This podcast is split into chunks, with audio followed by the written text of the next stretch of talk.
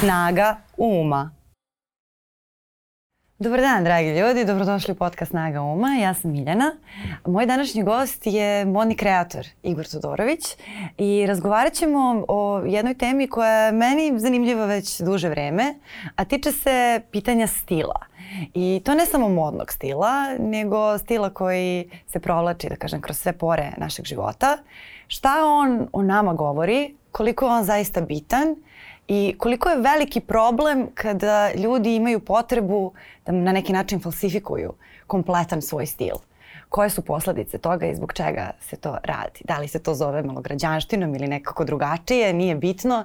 Često na to gledamo sa visine, ali ja bih voljela da pokušamo da razgovaramo o tom fenomenu ovaj, sa jedne onako zdravije distance ovaj, i slobodniji, ako tako može da se kaže. Gospodine Todoroviću, dobro mi došli. Bolje vas našao, dobar dan. Kako ste, kako vam se čini ova tema?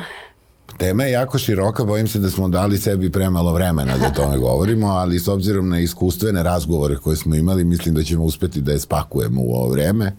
Mislim da je tema važna, pogotovo u, u vremenu u kome živimo, ne u ovom aktuelnom trenutku, nego u aktuelnih desetina par godina ovaj, unazad, tako da važna je tema, važna je zbog toga što je slojevita na način da je ljudi razumeju na jedan, kako malo pre rekao ste, slobodan način, ne na neki trendovski ili ultimativni ili imperativni, kako moda često zna da diktira stvari.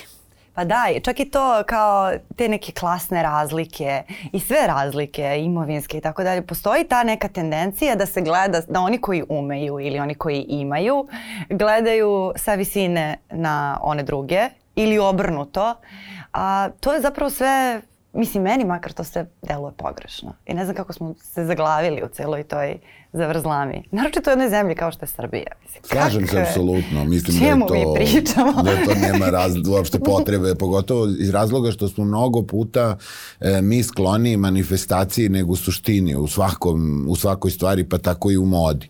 E, često je manifestacija ono, ono što vidimo u neskladu potpuno i sa imovinskim, i sa socijalnim, i sa društvenim, pa smo onda svedoci onih ljudi koji po svaku cenu imaju neki komad nakita ili neki ode odevni komad ili prosto neki tip automobila ili veličinu priveska za taj isti automobil a da e, ne postoji sve ono što bi trebalo to iza i da prati. I oto da je to onda čitava priča neka mimikrija koja govori u prilog da e, je manifestaciono potrošeno, da je mnogo važnije suština, mnogo je važnije da ako ovaj, pijemo neku, ajde da kažemo metaforično vodu, ne znači uvek da pijemo i vino, jel? Moramo da e, pravimo razliku jer e, obe tekućine su e, re, re, sadržaj svakodnevnog života. Mislim da smo u, u Srbiji prosto ušli u tu konzumerističku ili konzumentsku fazu sa jednim e,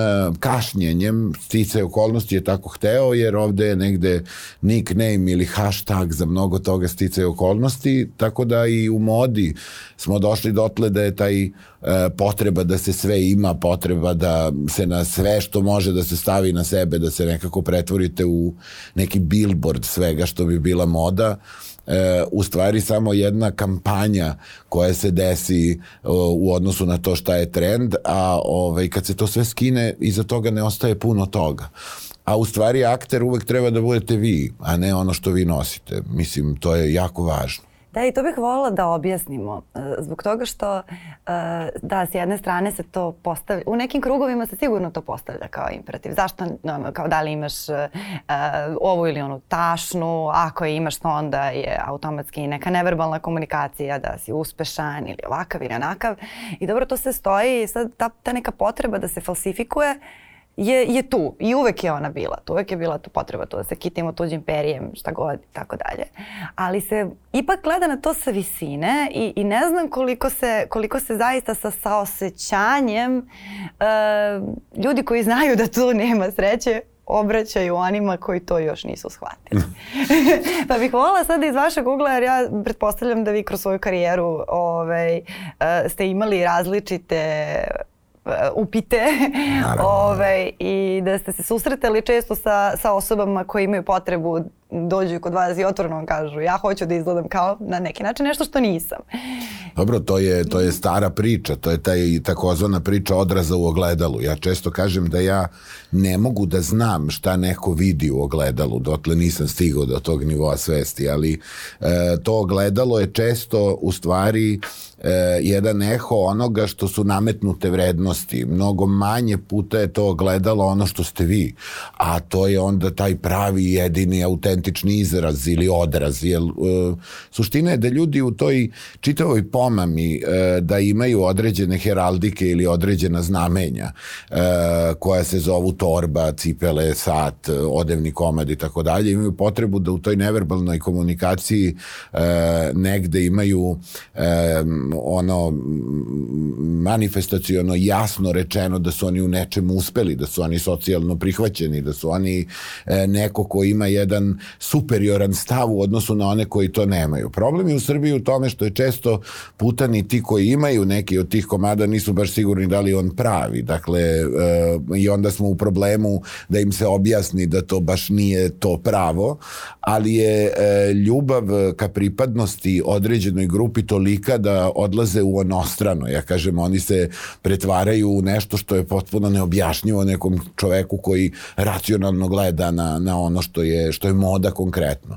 E, moda jeste u svojoj filozofiji nešto što podrazumeva pripadnost. Moda jeste da imate ili monoteiste, kako bih ja to rekao, oni koji vole jedan brend, pa im je taj brend nekako sve i svija, čak i onda kada greši, e, možda u, nekom, u nekoj sezoni ili kada odlazi u nekom pravcu koji možda ne odgovara do tadašnjoj estetici, jer kao što znamo, menjaju se kreativni direktori, menjaju se na kraju politike, menjaju se strukture tih kompanija, jer to više nisu mali autorski e, timovi, to su velike multinacionalne kompanije u najvećem broju slučajeva, dok smo mi recimo u Srbiji svi neki mali autori koji pokušavaju da opstanu na ovom tržištu, oni žive jedno globalno tržište ili global market shvatajući šta je za taj global market najvažnije e, ili imamo one politeiste ili ovaj, e, po, one koji vole više brendova. E, e sad, u tom izboru bi ja uvek rekao monoteisti, ne iz mog religioznog, da kažemo, stava, nego iz stava modnog. Monoteisti su opet nekako preživećemo ih lakše nego ove koji su ovaj, politeisti ili mnogobošci, jer onda oni izgledaju uh, kao jedan uh, veliki magazin uh, koji nudi više brendova na pet spratova, pa se malo i pogubite, dok kad uđete u neku uh, monobrand radnju uh, možete da izgradite stav. I tu se vraćamo na početak da je stil uvek stav. Imate i one žene ili muškarce koji mogu da nose i nešto što je e, krajnje ekonomski prihvatljivo e, ili dostupno i to je jednoj širokoj publici, ali svojim stavom emituju ili neverbalno pokazuju e, da oni suvereno vladaju tim komadom, što je i cilj igrice, pa će onda doći do jedne fantastične situacije da e, ljudi koji nisu baš sigurni šta oni nose, nekako počnu sebe da uveravaju da je to nešto posebno, da to sad nije ni brand, ni ne znam šta, to je sad nešto posebno specijalno, čak i taktilno počinje da bude iracionalno ako vas pipnu, e, kažu jao pa to je divna tkanina, možda se radi o nekoj tkanini koja je sve sem divna. Dakle, u, u suštini stav je taj koji može da, da definiše stvari, e, čak i kada je pogrešan, on je čitljiv. Ima tih ljudi koji imaju stav ja sam neviđeno, modno, um, osvešćen ili osvešćena i svi vi ste u stvari jedni bedni podanici onoga što bi bila streetwear moda. Um, a da opet, e, kako bih rekao, u tom nekom neverbalnom manifestu koji oni dele između sebe, e, zaista, i to ne govorim kolokvijalno, ima mnogo ljudi koji fantastično izgledaju, a koji uopšte nemaju ništa od te opšte heraldike.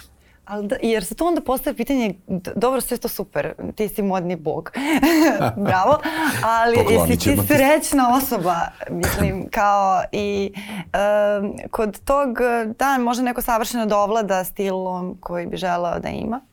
Ove, I taj stil naravno ne mora da obuhvata samo modni izraz, dakle ljudi peglaju naglaske koje imaju iz rodnih mesta, nekad i naglaske koje vole da bi pri, pripadali nekoj društvenoj grupi, e, kompletnu neverbalnu komunikaciju, mimiku, e, imaju hobije koje ne vole zbog toga što je to sad in ili nije.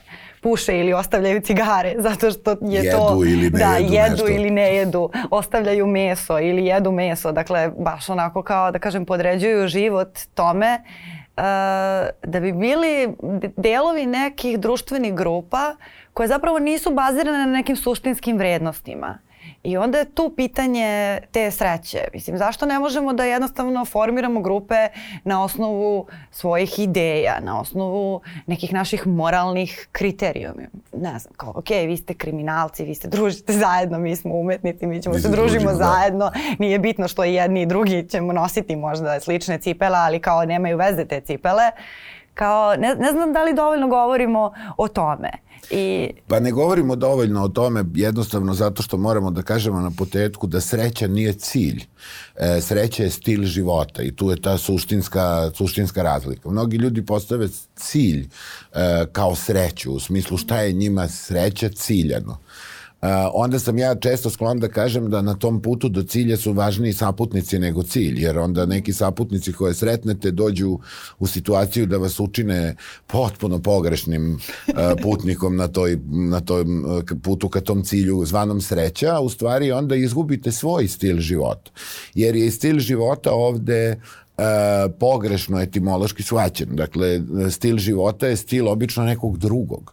Ja e, sam nebrojeno puta bio svedok tome da postoje ljudi koji imaju stil života nekih drugih ljudi. Pa mi je bilo potpuno fanti, fa, fascinantno da ih pitam, one koji su mi bili bliži, ok, ali da li je to tvoj stil života? Ako to nije tvoj stil života, onda se gubi stil odevanja i stil svega onoga što prati život e, ako je sreća tuđa, mi imamo čak i onu izreku e, te o, o tuđoj sreći, ali mi sreću često stavljamo s prefiksom ili sufiksom tuđa u nekoj podsvesti, verujući da je ona naša, pa je onda sreća možda da e, u nekoj ruci stoji neki telefon koji je najnovije generacije ili na nekom pregibu e, ruke da stoji neka torba koja se zove e, nekako bombastično, a onda ona ima i taj storytelling koji je jako važan kako se do nje došlo ili da je potpuno jedinstvena što je izuzetno važno jer vas onda čine e, te stepenice, te takozvane sreće e, odlaze u nebo i onda vi koji možda imate neku vrlo sličnu torbu, nekog potpuno e,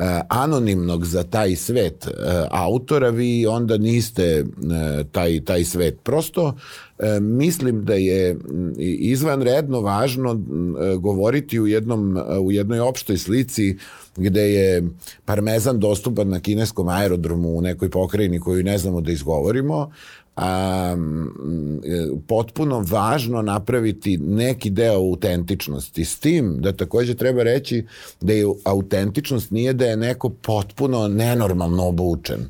Jer e, kod nas je i to problem. Kao autentičnost je neko ko ima e, deo rečenice čuvene predstave Radovan treći zvane Rus Stanislas kada pravi treći rukav na leđima. Dakle, nije tema da imate treći rukav na leđima, tema je da imate dobro orukavlje, dobro uređenu konstrukciju tog nekog odevnog komada koji vam dobro stoji, ali je e, u toj e, pomami tog švedskog stola zvanog stil, gde oni sve to jedu, onda se prejedaju strašno i onda nikakav rupurut ili neki drugi preparat ne može da im Moji omiljeni. ali to je, to je dosta veliki problem, jer e, eto gledajte tu e, filozofiju kupovine shopping mola. e, koji su jednostavno mesto koje je postalo stil života. Taj shopping mall je uh, mesto na kome se nešto, svašta se nešto dešava tamo.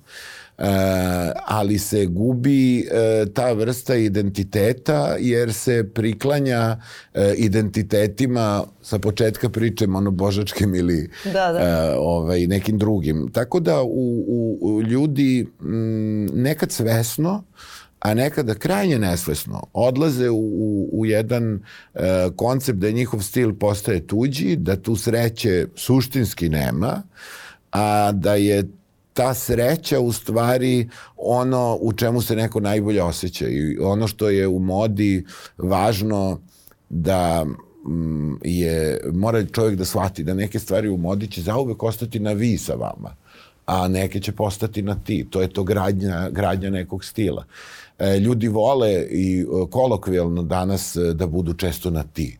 Vrlo redko ćete imati priliku da, da vam se neko obrati baš na vi, sem ako E, da tako i moda. E, kao mi smo na ti sa svim, pa ne, niste.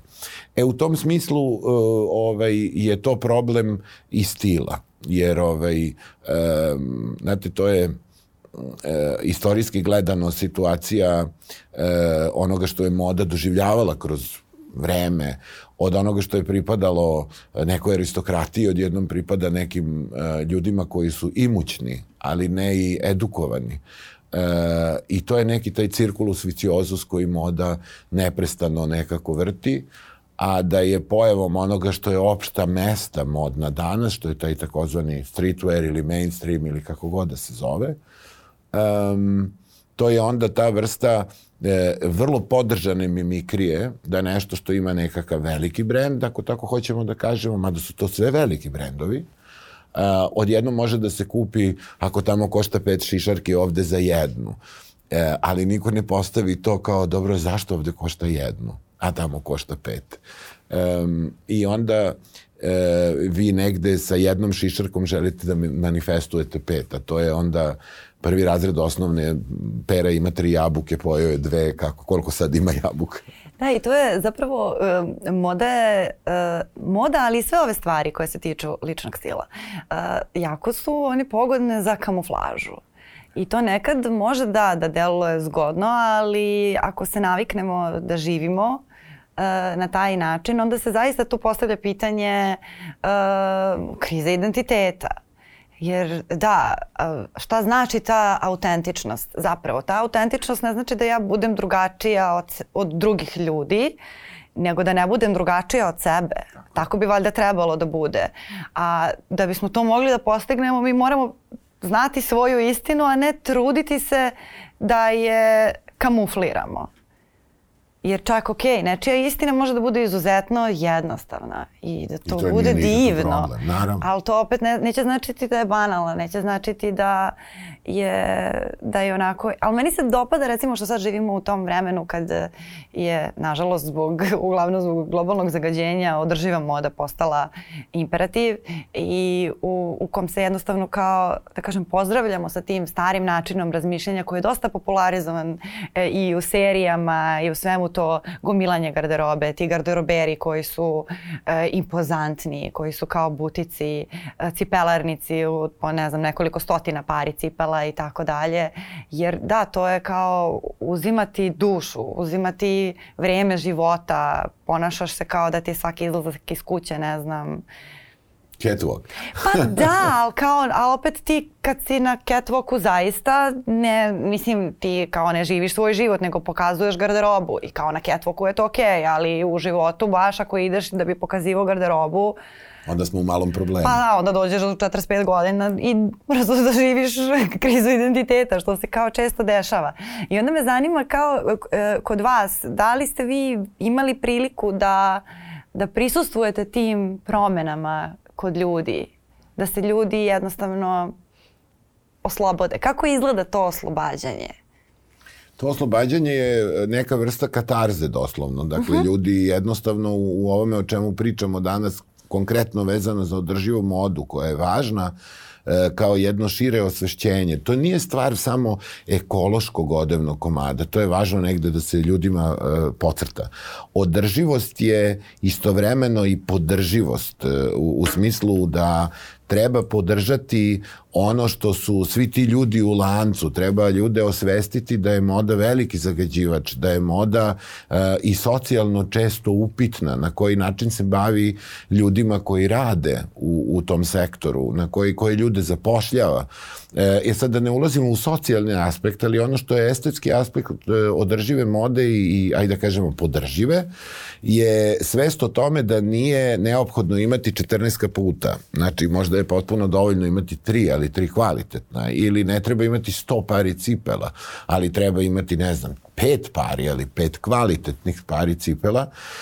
Um, jer ta vrsta potrošnje koja se, koja se dešava uh, upravo dolazi do te krize identiteta, jer u ponudi onoga što moda nudi, boreći se za svoje mesto u, u velikom broju brendova koje je prisuta na tržištu, u na kraju krajeva novoj komunikaciji modnoj, koja je daleko sada od one komunikacije, ja idem ulicom pa gledam neki izlog, pa u tom izlogu vidim nešto, pa če, ceo ta e, ljubavna priča sa odevnim komadom počne. E, ovde ljubavna priča ima mnogo hashtagova, mnogo influencera i mnogo blogera koji o tome govore. Tako da ovaj, e, nekada ta priča može i da zastrani. Održiva moda ima za cilj da podrži jednu jako važnu stvar koju ću ja uvek pocrtati i govoriti o tome od početka, to je zanatski aspekt toga. Dakle, ljude koji uh, stoje iza svega toga u svakom segmentu izrade uh, mode koje često zaboravimo, a koji su u suštini čarobnjaci iza nekoga ko je eksponiran u prvom licu i e, zato sam ja sklon da kažem da je moda jedan e, sistem na, u lancu gde svaka karika mora da bude jaka.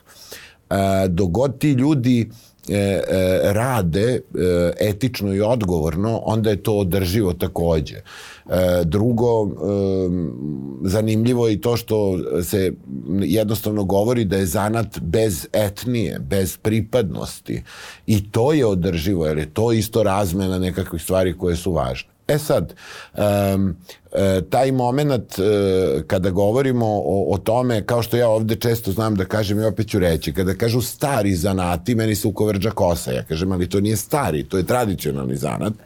Jer u jednoj novoj e, e, komunikaciji, kada jednom mladom čoveku kažete da je nešto staro, onda je to automatski i apsolutno neatraktivno, neprihvatljivo i ni na koji način e, zanimljivo za tog čoveka. Međutim, kada um, gledate uh, u stvari na koji način uh, mladi ljudi konzumiraju. Oni su nova generacija, moda se uvek obraća mnogo unapred, pa nas tako šokira neki brend šta je sad uradio, pa on ne liči na ono što je bio i tako dalje. Moda tu radi jednu ozbiljnu aktivaciju jedne nove politike, jednog novog klijenta koji se tek negde stvara Um, I u tom smislu uh, održivost jeste upravo to da shvatimo da možda ona priča grombi kaputa iz nekog odormana ili nekog uh, dobrog parčeta e, puplina od koga je izrađena košulja može da bude i varijanta da se zameni kragna, zašto da ne. Ali e, u, u današnjem svetu ja sam to nosio ili nosila, ja ću to sad da bacim. Mislim, to je pogrešno, jer i time pravimo problem. I mislim da je održiva moda jako važna. Ono što je moj utisak, o, da se vratim na tu katarzu, jeste ta svest da e, ta neka osoba prosto izađe iz o, svog tunela Jer ja tendencijozno kažem, nije stvar zone komfora, nego stvar zone poznatog. Ljudi žive u zoni poznatog. Ako im ponudite nešto nepoznato, jedan veliki broj ljudi neće probati neko jelo, jedan veliki broj ljudi neće obući neki uh, komad odeće jer će reći, ali to stvarno ja neću da obučem. Ili neki ljudi neće pročitati neku knjigu zato što im nije poznata tema te knjige. Dakle, stvar poznatosti je uh, održivost takođe i podrživost, jer morate da uh, u toj, iz tog tunela koji je poznat, počnete da kačite po neku sijalicu i da taj neko u tom svom tunelu, koji ne mora neophodno da bude uh, loša metafora, jer i postoji ona dobra na svakom kraju tunela, postoji svetlo, uh, ali je poenta da pre tog kraja mu osvetlite pomalo taj, taj tunel. Kad do toga dođe, e, ta osoba počinje da shvata da nije stvar trčati za nečim, podjednako kao i ne trčati za gradskim prevozom ili doći će drugi autobus, e, nego prosto putovati tim svojim e, stvaranjem stila e, osvetljenih puteva. Da. Jer ovako e, u, u, u drugom kontekstu ljudi su spremni da e, impulsivno e, sve rade, a impuls nikad nije bio baš idealan pokretač. Bolje nekako da se čovjek smisli šta da radi. Da, i tu bukvalno može da se razvije kao neka vrsta ono uzročno-posledične veze. Da, da li je normalno i prirodno da me, ne znam, obraduje uh, divan kašmirski kaput ili šta god, neka tašna koja mi se dopadne. Da, normalno je. Ali nije normalno da mi to postane jedini izvor radosti i da da to zamenim sa idejom o sreći, da, naravno, da, naravno, na primer. Naravno, Recimo, naravno. To, to ja tako gledam. A i zanima me vaše mišljenje zato što imam utisak da sada stalno kada govorimo uh, o tim ljudima koji se trude da imitiraju uh, neki stil koji im prirodno ne pripada ovaj, i koji možda nije njihova priroda ili nije njihovo poreklo ili nije njihova istina, nego je neka istina za koju su oni protumačili da bi im odgovarala, da, da zapravo uh, je to kao stalno neka jurnjava za nečim, za nekim pretvaranjem i da, da je uvek taj osjećaj nelagode. Jer svakim oblačenjem, svakim izlaskom na ulicu, uh, svakim izgovaranjem rečenice na naglasku koji mi možda nije prijatan ili nije moj, uh, zapravo poništavamo svoju istinu i sebe jel, omalovažavamo time. Ja sam uveren da da, zato što jednostavno na taj način gubimo ono što je suština čitave naše planete, to je raznolikost, jel da je sve isto bilo bi užasno dosadno. E, ne bismo mi pričali danas o, o različitim e, odevnim komadima, o nekom kaputu, nego bi svi kaputi bili isti, verovatno, ili već ne znam, ali to je negde, mislim, i tekako čitljivo. Kada ljudi pokušavaju da igraju te neke tuđe uloge, e, jednostavno ih igraju e, amaterski, igraju ih kao naturčik, kao e, čak i ta reč kod nas onako malo rogobatna, kao to je glumac naturčik, nekako očekujete kao tu će biti valjda neki problem, što ne mora naravno da znači, da. ali generalno e, je tema da ljudi ulazeći u te e, tuđe identitete, trudeći se usiljeno da budu deo nekakvog, e, neke grupe koje oni silno žele da pripadaju, e, meni uvek to zanimljivo da e, ljudi računaju na vašu pristojnost često. E, I u nekim situacijama računaju da ćete vi ostati e, negde ćutaćete o tome da vidite da je to sve jedan apsolutno Potemkinovo selo e, kome ovaj, e, Katarina Velika nije odolela, ali iz ljubavi.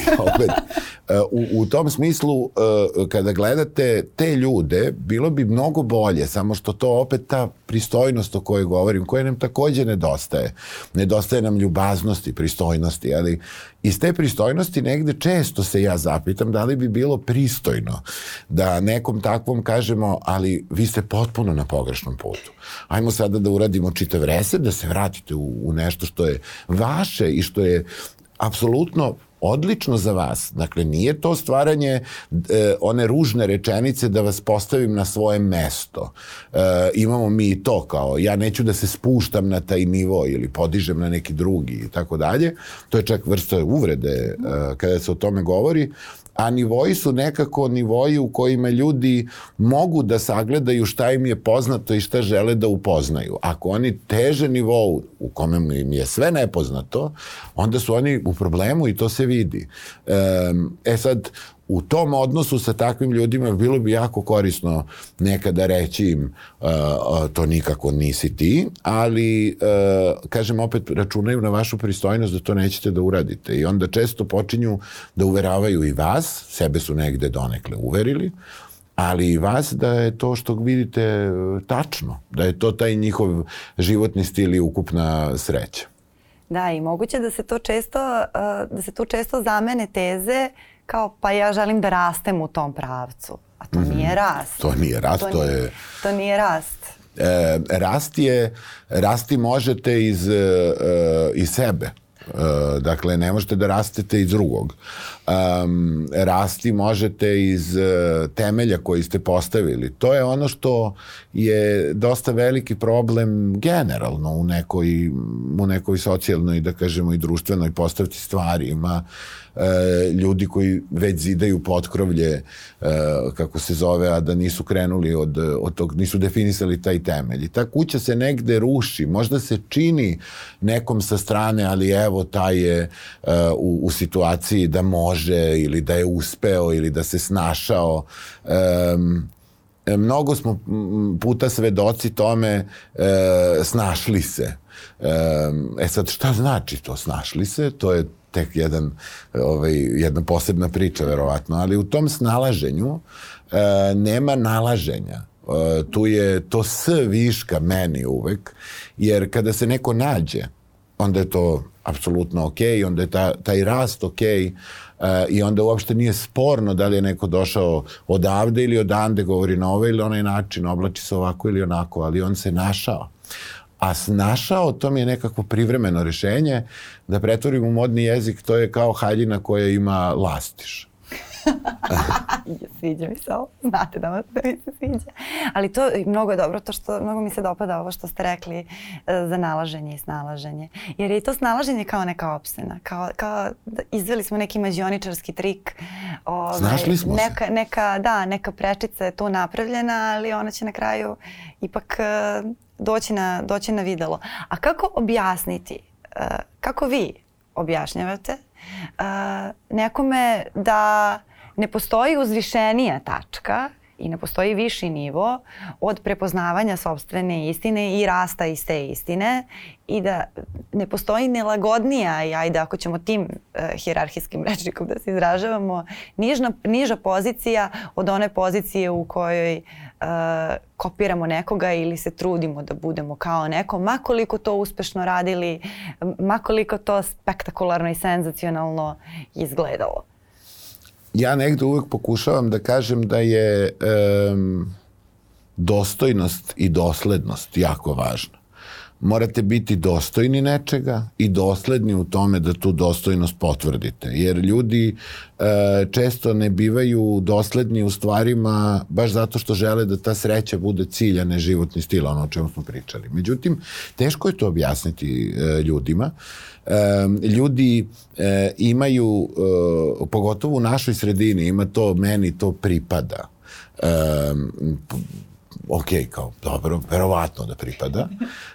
Um, ja negde uh, tu vrstu uh, onoga kao manifestacionog, da, da ta vrsta pripadanja bilo čega prosto postaje da bude i vrlo često neukusna i ne neki način za mene nepojmljiva. E, mislim da e, ljudima generalno ne pripada mnogo toga da ljudima e, pripada e, ne materijalno koliko duhovno, jer ljudi moraju da na tom nekom, e, na toj frekvenciji da, da rastu.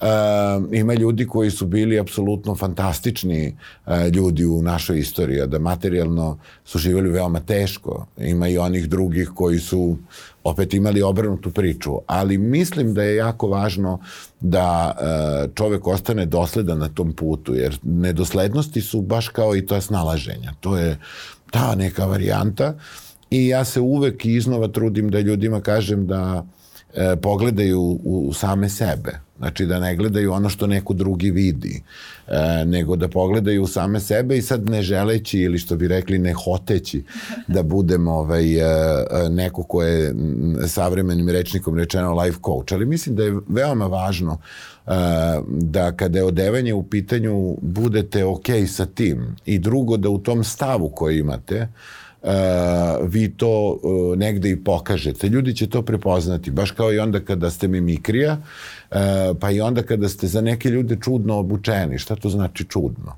Znači, ok, to je čudno za tog nekog čoveka, ali šta njega delegira da on o tome odlučuje. Dakle, morate biti mnogo toga u tom svom putu da kažemo stilskom e, da bi prepoznali prave prava skretanja i prave raskrstice. I to je posebno važno kod na primjer estetske hirurgije jer hajde, o da, o haljine da. možemo da poklonimo.